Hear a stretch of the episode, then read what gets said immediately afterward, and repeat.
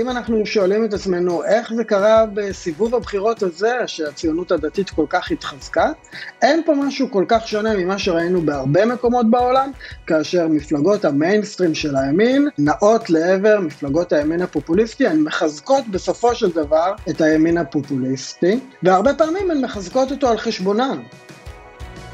היי, אני אורי פסובסקי, ואתם מאזינים לצוללת של קלובס. בסוף חודש אוגוסט, רגע לפני שמערכת הבחירות התחילה לצבור תאוצה, יו"ר הליכוד, בנימין נתניהו, זימן את בצלאל סמוטריץ' ואיתמר בן גביר לפגישה בביתו בקיסריה. זה היה יום שישי, והמטרה שלו הייתה לוודא שהשניים ירוצו ביחד בבחירות, שאף קול לא ילך לאיבוד. וזה כמובן מה שאכן קרה. סמוטריץ' ובן גביר רצו ביחד במסגרת מפלגת הציונות הדתית מימין לליכוד והפכו למפלגה השלישית בגודלה בכנסת. גוש הימין כולו זכה כמובן בבחירות ב-64 מנדטים, רוב מוצק. אבל דווקא הליכוד, מפלגתו של נתניהו, נחלשה מעט וירדה מ-35 מנדטים בבחירות 2019 ל-32 מנדטים עכשיו. ואנחנו רואים את השותפים של נתניהו מקבלים תפקידים רבי עוצמה והרבה כוח בממשלה המתגבשת. אבל את הדרמה הפוליטית הזאת, מסתבר, כבר ראינו במקומות אחרים. כי אם לוקחים צעד אחורה ומתרחקים מישראל, מתברר שהדפוס הזה לא ייחודי לנו. זה מה שעולה, למשל, מהמחקרים של דוקטור נועם גדרון. אז אני נועם גדרון, מרצה בכיר במחלקה למדע המדינה ובתוכנית לפילוסופיה, כלכלה ומדע המדינה באוניברסיטה העברית בירושלים. גדרון שהגיע לעברית אחרי דוקטורט בהרווארד ופוסט בפרינסטון, חוקר דברים כמו דפוסי הצבעה, פופוליזם וכיתוב פוליטי.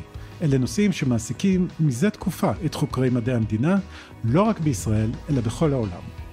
ועל זה רצינו לדבר היום, כאן בצוללת, על מאזן הכוחות המשתנה בין מפלגות המיינסטרים בימין למה שנקרא מפלגות הימין הפופוליסטי, על העמדות של הבוחרים וגם על הדילמות של מפלגות הימין. כמו שגדרון מנסח את זה, בכל העולם אפשר לראות מאבק על נשמתו של הימין. וכמובן, נדבר גם על הזווית הכלכלית. יש מי שמתאר את הממשלה הנכנסת כממשלת ימין על מלא. אבל אמורים לכהן בה ברוטציה שני שרי אוצר, סמוטריץ' ואריה דרעי, שמגיעים עם תפיסות כלכליות מאוד מאוד שונות. איך זה מסתדר? לפי גדרון, גם כאן יש היגיון מסוים. נגיע גם לזה. אבל אנחנו מתחילים את השיחה בהתחזקות של הציונות הדתית. אז בואו נדבר על בחירות 2022 פה בישראל. ההתחזקות של הציונות הדתית, של איתמר בן גביר, בצלאל סמוטריץ', היו משהו שהפתיע הרבה מאוד אנשים, אבל אם אני מבין את המחקרים שלך נכון, היא לאו דווקא תופעה שמוגבלת לישראל. אנחנו לאו דווקא צריכים לחפש את ההסברים לה פה בישראל, והיא לאו דווקא כזאת ייחודית לנו. אז לתופעה הזאת שאתה מדבר עליה, כמובן יש היבטים שונים ואנחנו יכולים לבחון אותה בכל מיני אופנים. יש הרבה מאוד הם, אה, מאפיינים של מפלגת הציונות הדתית ושל המנהיגים שלה, שהם כמובן מאוד ייחודיים למציאות הישראלית. אה, אנחנו יודעים שבן גביר הוא דמות שנוכחת בציבוריות, בפוליטיקה הישראלית תקופה ארוכה ויש לה את הרקע שלה וכשאנשים אה, מסתכלים עליה עולים להם זיכרונות אה, ותמונות מאוד מאוד קונקרטיות למציאות הישראלית, כך שבהחלט יש מאפיינים מאוד ישראליים, מאוד מקומיים לסיפור של הבחירות האחרונות באופן ספציפי יותר להתחזקות הציונות הדתית. אני כן חושב שאנחנו יכולים להרוויח לא מעט מלהסתכל על התחזקות המפלגה הזאת בהקשר רחב יותר. יש כל מיני דרכים שאפשר לעשות את זה. אמ, סוגיה אחת שאני חושב שהיא מעניינת ורלוונטית זה השיתוף הפעולה או סוג היחסים שראינו במערכת הבחירות הזאת בין הליכוד לבין הציונות הדתית. הליכוד כמפלגת מיינסטרים שלטון של הימין והציונות הדתית כמפלגה בתוך גוש הימין, אבל כזאת שהיא יותר פופוליסטית ומאתגרת את הסדר הפוליטי הקיים. ופה אנחנו רואים בישראל דפוס שאנחנו רואים אותו גם בהרבה מאוד מדינות אחרות, כלומר עם כל המאפיינים הייחודיים אנחנו כן רואים פה דפוס חוזר שחקרו אותו בעולם אה, וזיהו אותו בצורה מאוד ברורה. וזה כאשר מפלגות השלטון של הימין מחליטות להתקרב, לעשות צעד אל עבר מפלגות הימין הפופוליסטי, בסופו של דבר זה מחזק את מפלגות הימין הפופוליסטי. כלומר, אם אנחנו שואלים את עצמנו איך זה קרה, ואיך זה קרה בסיבוב הבחירות הזה, שהציונות הדתית כל כך התחזקה, אין פה משהו כל כך שונה ממה שראינו בהרבה מקומות בעולם, וזה כאמור אותו תהליך שכאשר מפלגות המיינסטרים של הימין נעות לעבר מפלגות הימין הפופוליסטי, הן מחזקות בסופו של דבר את הימין הפופוליסטי, והרבה פעמים הן מחזקות אותו על חשבונן. כלומר, אלו הבוחרים שלהן, של מפלגות המיינסטרים של הימין, שעוברים למפלגות הפופוליסטיות.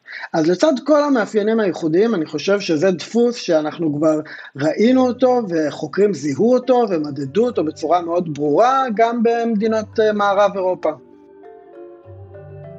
אוקיי, okay, אז לפני שנרחיב על הדפוס הזה, רציתי להתעכב על משהו שאתה כותב במחקרים שלך, וגם אה, יצא לי אה, לשמוע אותו ממך בשיחה שנערכה לפני הבחירות, צריך להגיד.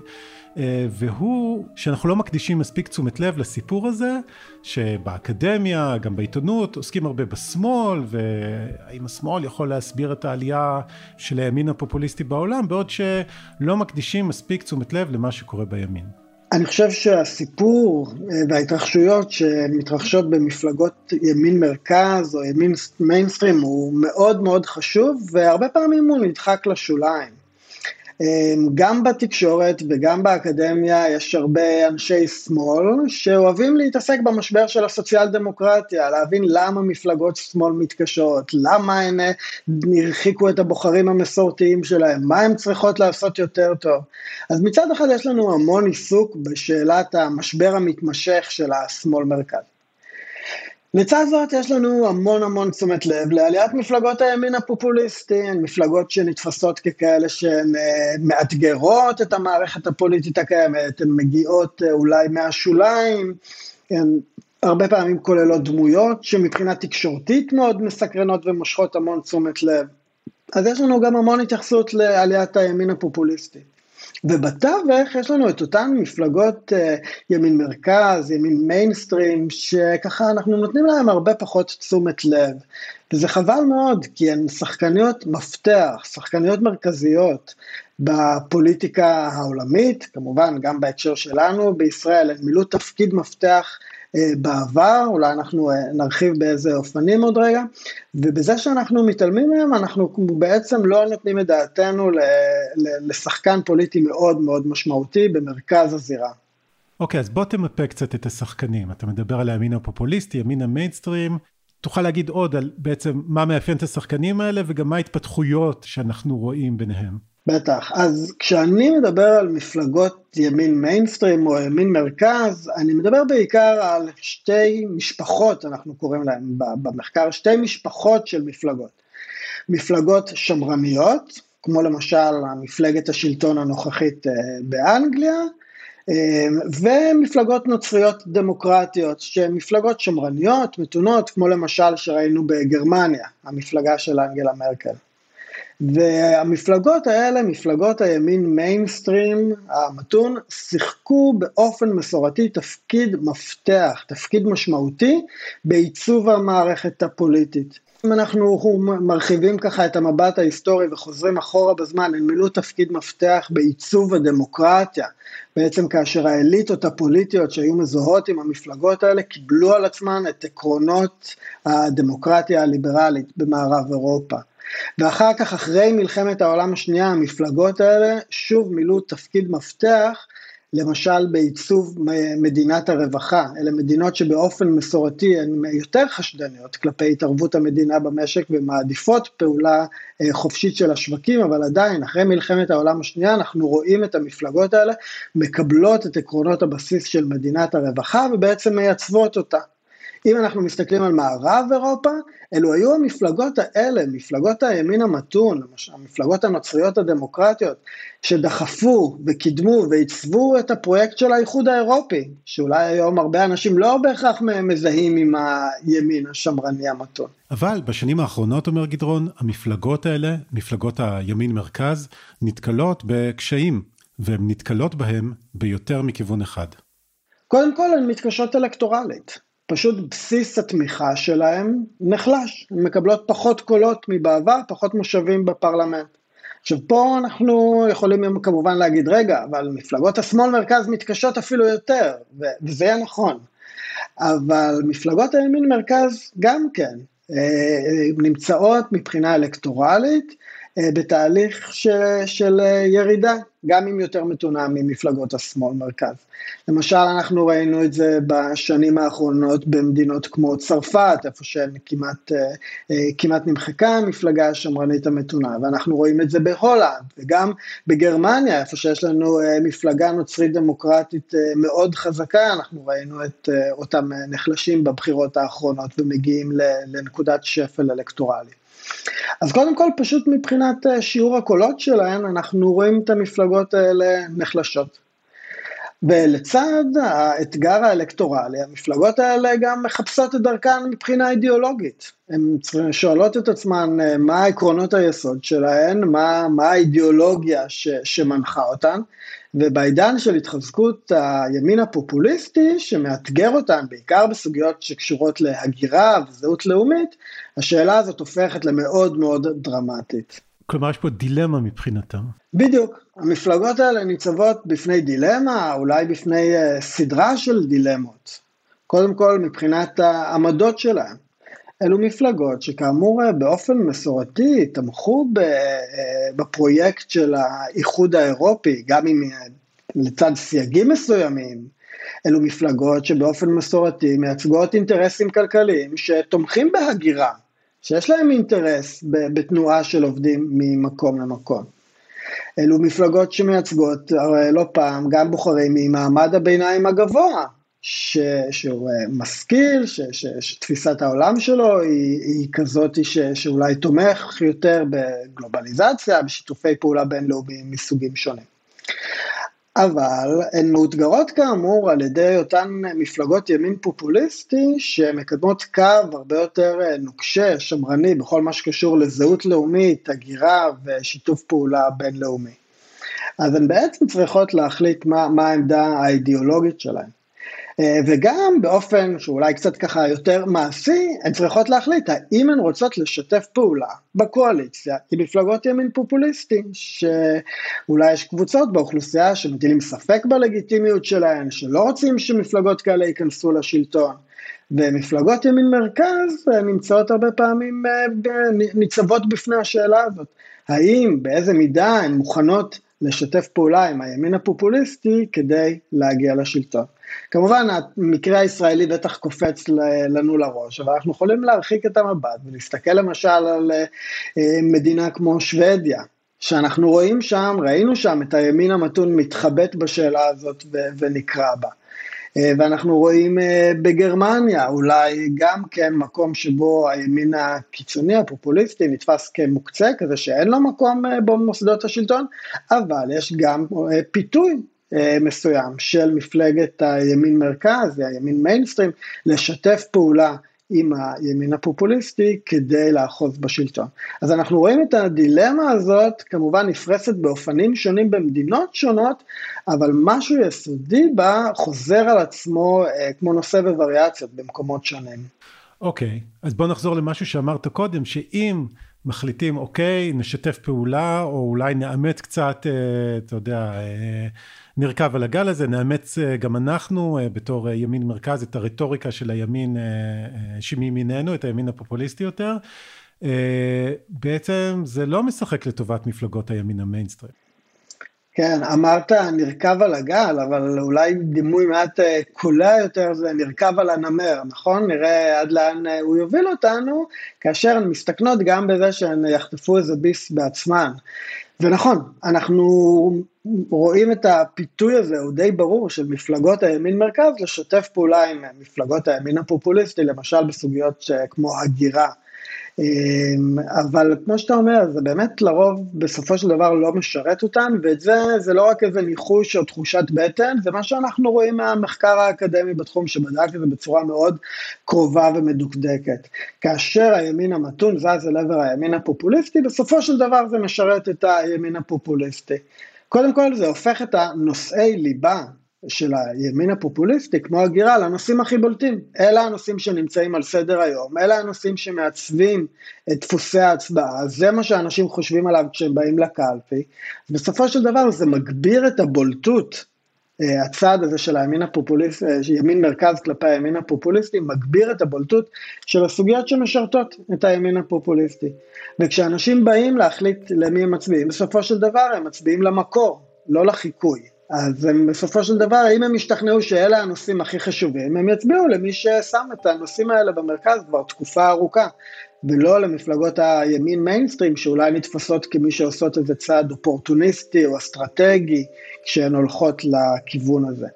אז יש פה איזה שיקול שהוא אולי אה, לטווח הקצר נראה למפלגות הימין מיינסטרים אה, כמו איזה הימור שקול ומחושב, אבל בסופו של דבר מה שאנחנו רואים בנתונים זה שזה לא משרת אותנו.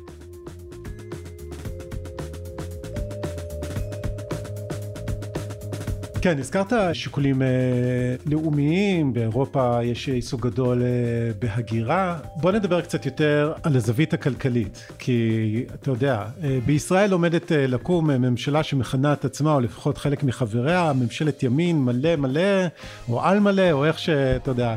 כל אחד איך שהוא בוחר לכנות את עצמו, אבל אנחנו רואים שהולכים בה, לכהן בה, כרגע זה, התכנון הוא לשני שרי אוצר, קודם כל אה, בצלאל סמוטריץ', שמצהיר על עצמו שיש לו עקרונות ימין כלכלי מהסוג אה, המוכר של קיצוץ מיסים, הקטנת רגולציה, אה, מאבק באיגודי עובדים. ועוד, ואותו אמור להחליף אריה דרעי, שמדבר על רווחה, עזרה לחלשים וכולי. כלומר, יכול להיות שבתוך הימין אנחנו רואים גם עמדות כלכליות שהן לא העמדות הכלכליות הימניות הקלאסיות. נכון, ושוב אני חושב שהמקרה הישראלי הוא, יש לו המון דפוסים ייחודיים, וכמובן שסמוטריץ' ודרעי הם דמויות שכמובן אי אפשר להבין אותן מחוץ להקשר של הפוליטיקה הישראלית, אבל הסוגיה הזאת שאתה מעלה, אני חושב שוב תופסת משהו רחב יותר בימין המערבי, וזה שהוא משפחה מגוונת. שהוא אוהל רחב, אם אנחנו רוצים להשתמש במטאפורה אחרת, אה, ושהוא מכניס תחת כנפיו אנשים עם עמדות מאוד מאוד שונות ומגוונות, כולל בעניין הכלכלי, אבל למעשה לא רק.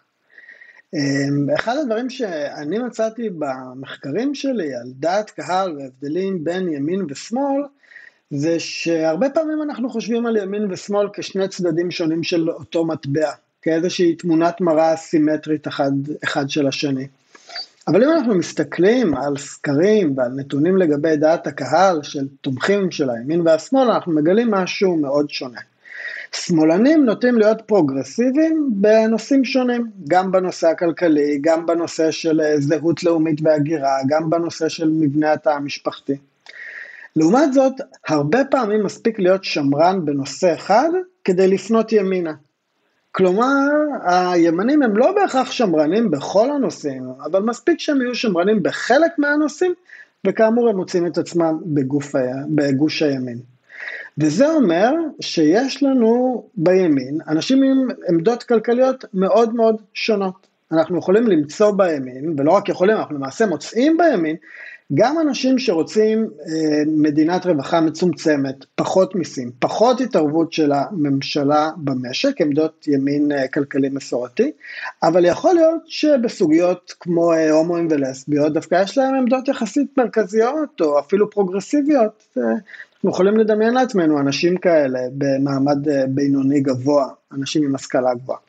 מצד שני, אנחנו גם מוצאים בימין אנשים שהם מאוד מאוד שמרנים בכל מה שקשור להגירה, אה, זהות לאומית, מבנה התא המשפחתי, אבל מצד שני, בכל מה שקשור למדיניות רווחה והתערבות המדינה במשק, הם כן ייקחו עמדה שהיא הרבה יותר אה, מרכזית, לפעמים אולי אפילו טיפה שמאלה מהמרכז. אבל מה שבכל זאת יגרור אותם לגוש הימין, זה העמדות שלהם בסוגיות תרבותיות יותר.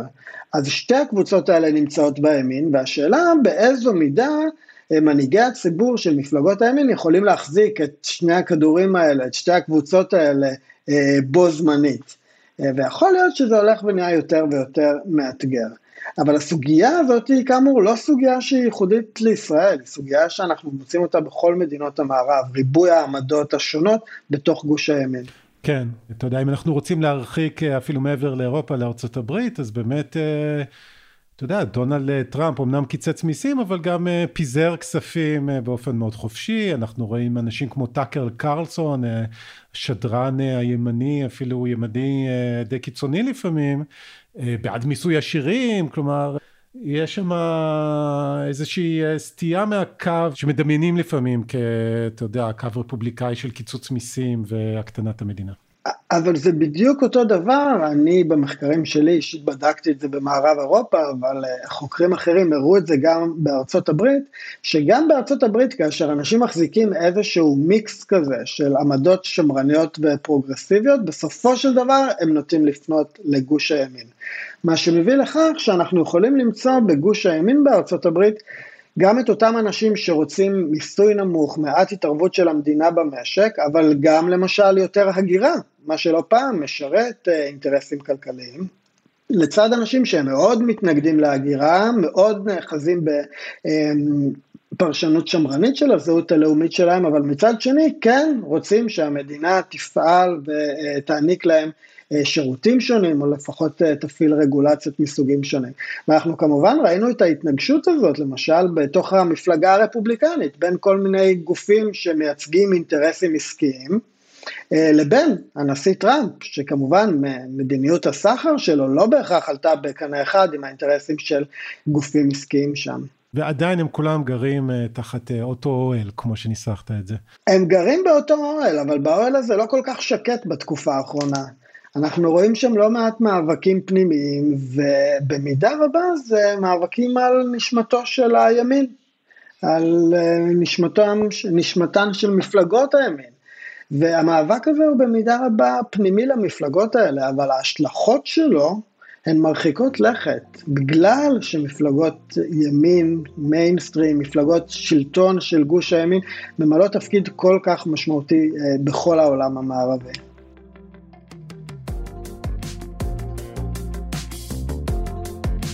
במהלך השיחה שלנו אני בכל זאת אה, לא מתאפק ושואל את גדרון על מפלגות השמאל, שמצאו את עצמן מאותגרות מצד הימין בבחירות האחרונות, גם מבחינת המדיניות הכלכלית.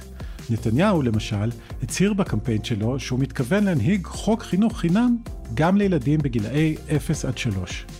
וגם כאן גדרון מספר שזה לא תופעה ישראלית בלבד.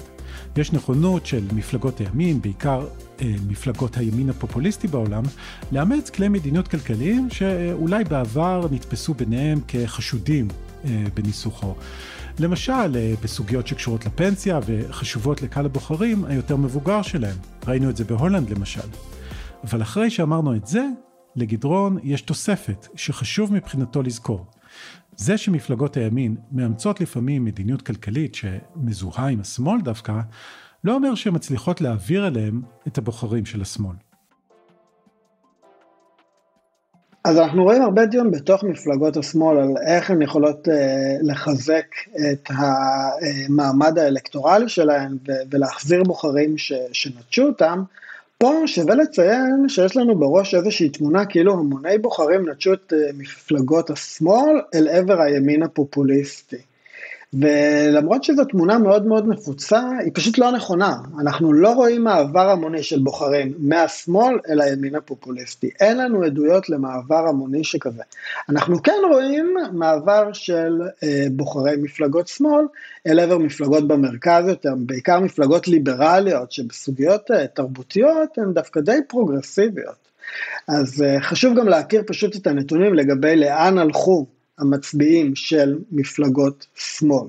אז בואו אה, ככה למשוך באיזה קצה חוט אה, שעלה אה, מתוך הדברים שלך, בעצם, וזה משהו שאתה גם כותב במחקרים שלך, זה לא בהכרח שהבוחרים עד כדי כך השתנו. כלומר, זה לא שבהכרח בוחרים שינו את העמדות שלהם לגמרי ועברו מגוש אחד לגוש שני, אלא קרה משהו קצת יותר מורכב, שצריך לפענח אותו יותר בזהירות. כשאנחנו מדברים על התחזקות מפלגות הימין הפופוליסטי, הרבה פעמים זה נראה כאילו יש איזשהו שינוי משמעותי בדעת הקהל. כאילו יש סחף בעמדות הציבור. למשל, היום לכאורה אנשים הרבה יותר מתנגדים להגירה, אה, ולכן הם התחילו להצביע למפלגות הימין הפופוליסטי. וזה לא בהכרח מה שאנחנו רואים. ואני מתייחס פה גם למחקר שאני עובד עליו עם אה, רועי לוי ואורן דניאלי מהמחלקה לכלכלה באוניברסיטת תל אביב, ושין קיקוצ'י מהמחלקה לכלכלה ב-MIT, אבל גם חוקרים אחרים, למשל שהסתכלו בארצות הברית, ראו דברים דומים. זה לא כל כך שיש שינוי בעמדות, כמו שמה שקרה זה שהיום אנשים שמים יותר משקל על עמדות שבעבר לא היו מאוד משמעותיות בעיצוב דפוסי הצבעה. כלומר, זה לא שאנשים היום הרבה יותר למשל מתנגדים להגירה, אלא שאנשים שגם בעבר התנגדו להגירה, היום התחילו להצביע לפי העמדה הזאת. כלומר, מה שהשתנה זה לא כל כך העמדות של אנשים, אלא המשקל שאנשים מצמידים לעמדות שונות. ואנחנו רואים שיש קבוצות באוכלוסייה שהיום פשוט מצמידים יותר משקל לסוגיות האלה. ואני חושב שזה משהו שחשוב אה, להדגיש, גם כי הוא פשוט מעניין אה, עבור אלה שרוצים להבין טוב יותר את התופעה של עליית, עליית הימין הפופוליסטי, וגם כי יש לו השלכה לגבי איך מפלגות אחרות צריכות להגיב. אין איזה שינוי אדיר בדעת הקהל, והן, ואין היום המון אנשים עם עמדות הרבה יותר שמרניות, אולי שמרניות קיצוניות בסוגיות האלה. למעשה, אם כבר להפך, אם כבר יש לא מעט סוגיות תרבותיות שאנחנו רואים בהן או יציבות או תזוזה עדינה לכיוון יותר אה, פרוגרסיבי, לכיוון יותר אה, שמאלני אולי אפילו. למשל אה, עמדות לגבי הגירה, אני די בטוח שהרבה מהאנשים יגידו כן, יש סחף אדיר בכל מה שקשור להתנגדות להגירה בארצות הברית ובאירופה. וזה פשוט לא מה שאנחנו רואים כשאנחנו מנתחים את הנתונים. וזה חשוב כאמור גם כי אנחנו רוצים להבין טוב יותר את עליית הימין הפופוליסטי, אבל גם כי אנחנו רוצים לחשוב איך מפלגות אחרות יכולות להגיב. והרבה פעמים אנחנו מקבלים כ, כאמת מוחלטת, כ, כדבר מקובל, את הטענה הזאת של אה, מפלגות הימין הפופוליסטי, כאילו דעת הקהל זזה לכיוונם. כאילו הן נותנות ביטוי לדעת הרוב, אה, לאיזשהו רוב דומם אה, לכאורה. אבל כמו שחוקרים לפניי כבר, הבחינו, מפלגות הימין הפופוליסטי לא נותנות קול לרוב הדומם. הן נותנות קול למיעוט רועש, שחשוב שהקול שלו יישמע כחלק מהשיח הציבורי, אבל אנחנו לא צריכים לקבל כאילו זה אמת מוחלטת את הטענה שדעת הקהל זזה אל עבר המפלגות האלה, כי זה פשוט לא מה שאנחנו רואים בנתונים. כאמור, מה שאנחנו רואים זה שאנשים שתמיד החזיקו בעמדות האלה, שתואמות לימין הפופוליסטי, היום מצביעות לפי העמדות האלה. אז זהו, אז רק לחדד את הנקודה הזאת, לראות שאני מבין. Uh, אתה אומר, מישהו שהצביע בגלל שבוא נגיד נושא לאומי מאוד חשוב לו, הזהות הלאומית, או איזושהי התנגדות להגירה, הוא תמיד החזיק בעמדות האלה, אבל הוא הצביע, דברים אחרים היו חשובים לו יותר, ועכשיו הוא החליט שזה הנושא שלפיו הוא יצביע בבחירות? בדיוק. כלומר, מה שקרה זה שהיום אנשים מצמידים יותר משקל לעמדות שהיו להם כנראה תקופה ארוכה. מה שהשתנה זה המשקולות שאנחנו מצמידים לעמדות השונות, לא כל כך העמדות עצמן. אולי דרך אחת לחשוב על זה, זה אה, במונחים הבאים. אין פה איזשהו גל שסוחף את דעת הקהל, ודעת הקהל כולה נעה אל עבר המפלגות האלה. מה שיש זה מאגרים פוטנציאליים של תמיכה, מאגרים פוטנציאליים של בוחרים שכבר יש להם את העמדות האלה. ובשנים האחרונות אה, המפלגות, מפלגות הימין הפופוליסטי מצליחות למשות יותר אה, אה, תמיכה מהמאגרים הפוטנציאליים האלה, אבל הם היו קיימים שם כבר תקופה ארוכה. והמאגרים האלה נמצאו במפלגות ימין אחרות, כלומר זה לא שהמאגרים האלה נמצאו בכך בשמאל, אלא הם נמצאו, כמו שאמרת קודם, בימין המיינסטרים יותר. גם אם נהיה הוגנים ונגיד שאולי חלק מהם גם היו אה, אה, בקרב מפלגות השמאל, אבל חלק מאוד, אה, מאוד מצומצם, לא חלק המוני, רובם היו במפלגות המיינסטרים וחלקם גם היו בקרב אנשים שלא הצביעו קודם לכן. שלא היו חלק מהמערכת הפוליטית ולא היו חלק מהמשחק האלקטורלי. אוקיי, okay, אז דיברנו על מפלגות הימין מיינסטרים, על הימין הפופוליסטי, איך זה מתמפה בכלל על המערכת הפוליטית בישראל? תראה, ברור שיש לנו מפלגת אה, שלטון בולטת בימין, וזה הליכוד. עכשיו, כמו במדינות שאנחנו רואים בחו"ל, מפלגת הליכוד, מפלגות ימין מרכז, דיברנו על זה שזה אוהל רחב, נכון? מפלגות ימין מרכז. גם מפלגת הליכוד היא אוהל רחב ש, שיש בו קבוצות שונות ו, ועמדות שונות, ובוחרים מצביעים אליה מאינטרסים שונים. אז יש לנו כמובן את המפלגה הזאת, ובמידה רבה מפלגת הציונות הדתית תואמת למאפיינים של מפלגות פופוליסטיות אה, בימין שאנחנו רואים במקומות אחרים. שוב, עם כל הייחודיות של המקרה הישראלי. והרבה פעמים מדברים על שלושה מאפיינים של, אה, של מפלגות הימין הפופוליסטי האלה שאנחנו רואים מתחזקות בשנים האחרונות באירופה. מאפיין אחד זה אה, הלאומנות, הרצון לכך שתושבי המדינה הם אלה שהם בני הלאום האותנטי, כפי שהוא נתפס על ידי המפלגות האלה. המאפיין השני זה סמכותנות, רצון אה, לרכז את סמכויות השלטון גם במחיר פגיעה בחירויות מסוימות. והשלישי זה פופוליזם, ראייה של הפוליטיקה כאיזשהו מאבק ענקי מוסרי בין העם לבין האליטות הזדוניות. ואני חושב ששלושת המאפיינים האלה, במידה לא מבוטלת, אה, מתאימים גם למפלגת הציונות הדתית. כמובן, יש לה גם את המאפיינים הייחודיים שלה והעמדות שלה והשורשים שלה, והדמויות הבולטות בה, כמובן, יש להן עבר היסטורי שיש לו אה, משקל כבד. אבל אני חושב שהמאפיינים האלה ש, שתיארתי הם המאפיינים שאנחנו לרוב משתמשים בהם כדי לזהות אה, מפלגות ימין פופוליסטי בעולם, ואני חושב שהן תואמות גם להקשר הישראלי. אז תשמע, בוא נחזור למה שדיברת עליו קודם, אה, הניסוח הזה שאנחנו רואים מאבק על אה, נשמתו של הימין, כמו שאתה מגדיר את זה. איך אתה רואה את המאבק הזה בישראל? כשאנחנו מדברים על ההקשר הישראלי ועל הימין הישראלי, כמובן שאנחנו לא יכולים לנתק אותו מהאישיות הדומיננטית של אה, ראש הממשלה המיועד, בנימין נתניהו. כלומר, אנחנו באמת רואים פה איזושהי דמות מאוד מאוד דומיננטית, שבמידה רבה, בכוח אישיותה, במדיניות שהיא בחרה, אה, באופן ההתבטאות שלה כרגע, מגדירה את אה, גבולות המחנה ואת גוש הימין. אה, וקטונתי לדעת מה, מה נתניהו מתכנן ומה צפוי לו ואיך יתפתח המשפט שלו. אני חושב שביום שאחרי נתניהו תהיה פה שאלה מאוד גדולה של מה הגוש הזה ו- ולאן הוא הולך ומה עדיין יכול להחזיק אותו ביחד. והאם יש מנהיג שיכול להחזיק, או מנהיגה, שיכולים להחזיק את הגוש הזה יחד. אה, וזאת שאלה שמבחינתי היא שאלה פתוחה והרת גורל. אנחנו בעצם, אני חושב, לא בדיוק יודעים איך הקונסטלציה של גוש הימין הזה תוחזק בהמשך, והאם האוהל הרחב הזה בעצם ישרוד אה, מעבר אה, ממנהיג אחד למי שיהיה הבא בתור.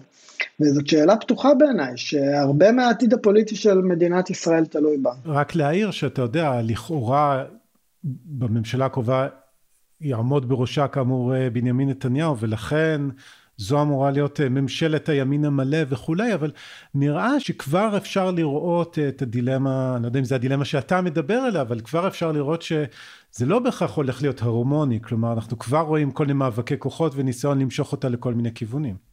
כן, ואתה כמובן נתת את הדוגמה של המדיניות הכלכלית, שהיא, שהיא, אה, שאנחנו רואים את זה באופן הברור ביותר.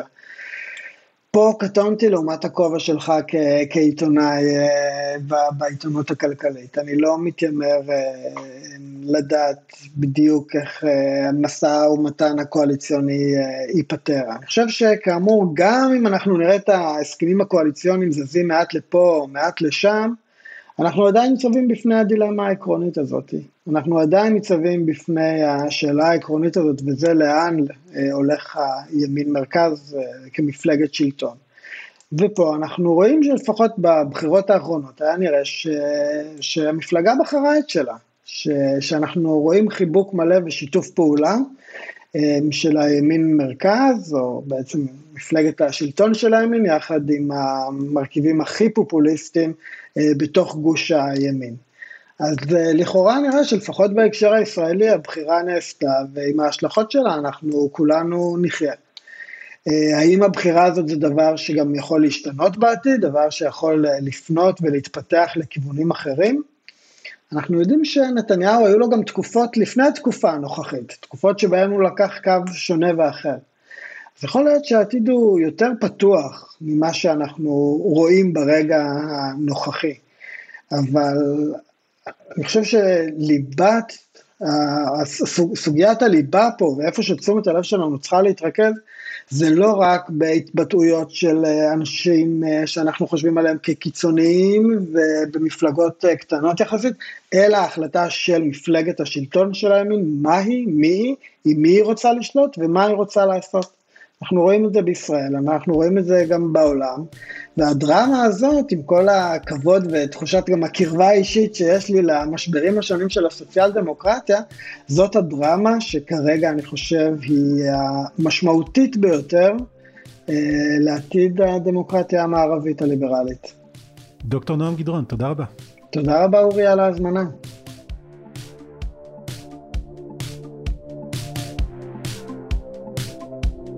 עד כאן, עוד פרק של הצוללת. אתם יכולים למצוא אותנו באתר גלובס, בספוטיפיי או בכל אפליקציית פודקאסטים, ונשמח אם תדרגו אותנו שם גבוה. ואתם מוזמנים לשלוח את הפרק לחברה או חבר שרוצים להבין טוב יותר את זרמי המעמקים של הבחירות האחרונות. עורך הסאונד הוא ניר לייסט, הילה וייסברג היא עורכת הפודקאסטים של גלובס, אני אורי פסובסקי, להתראות.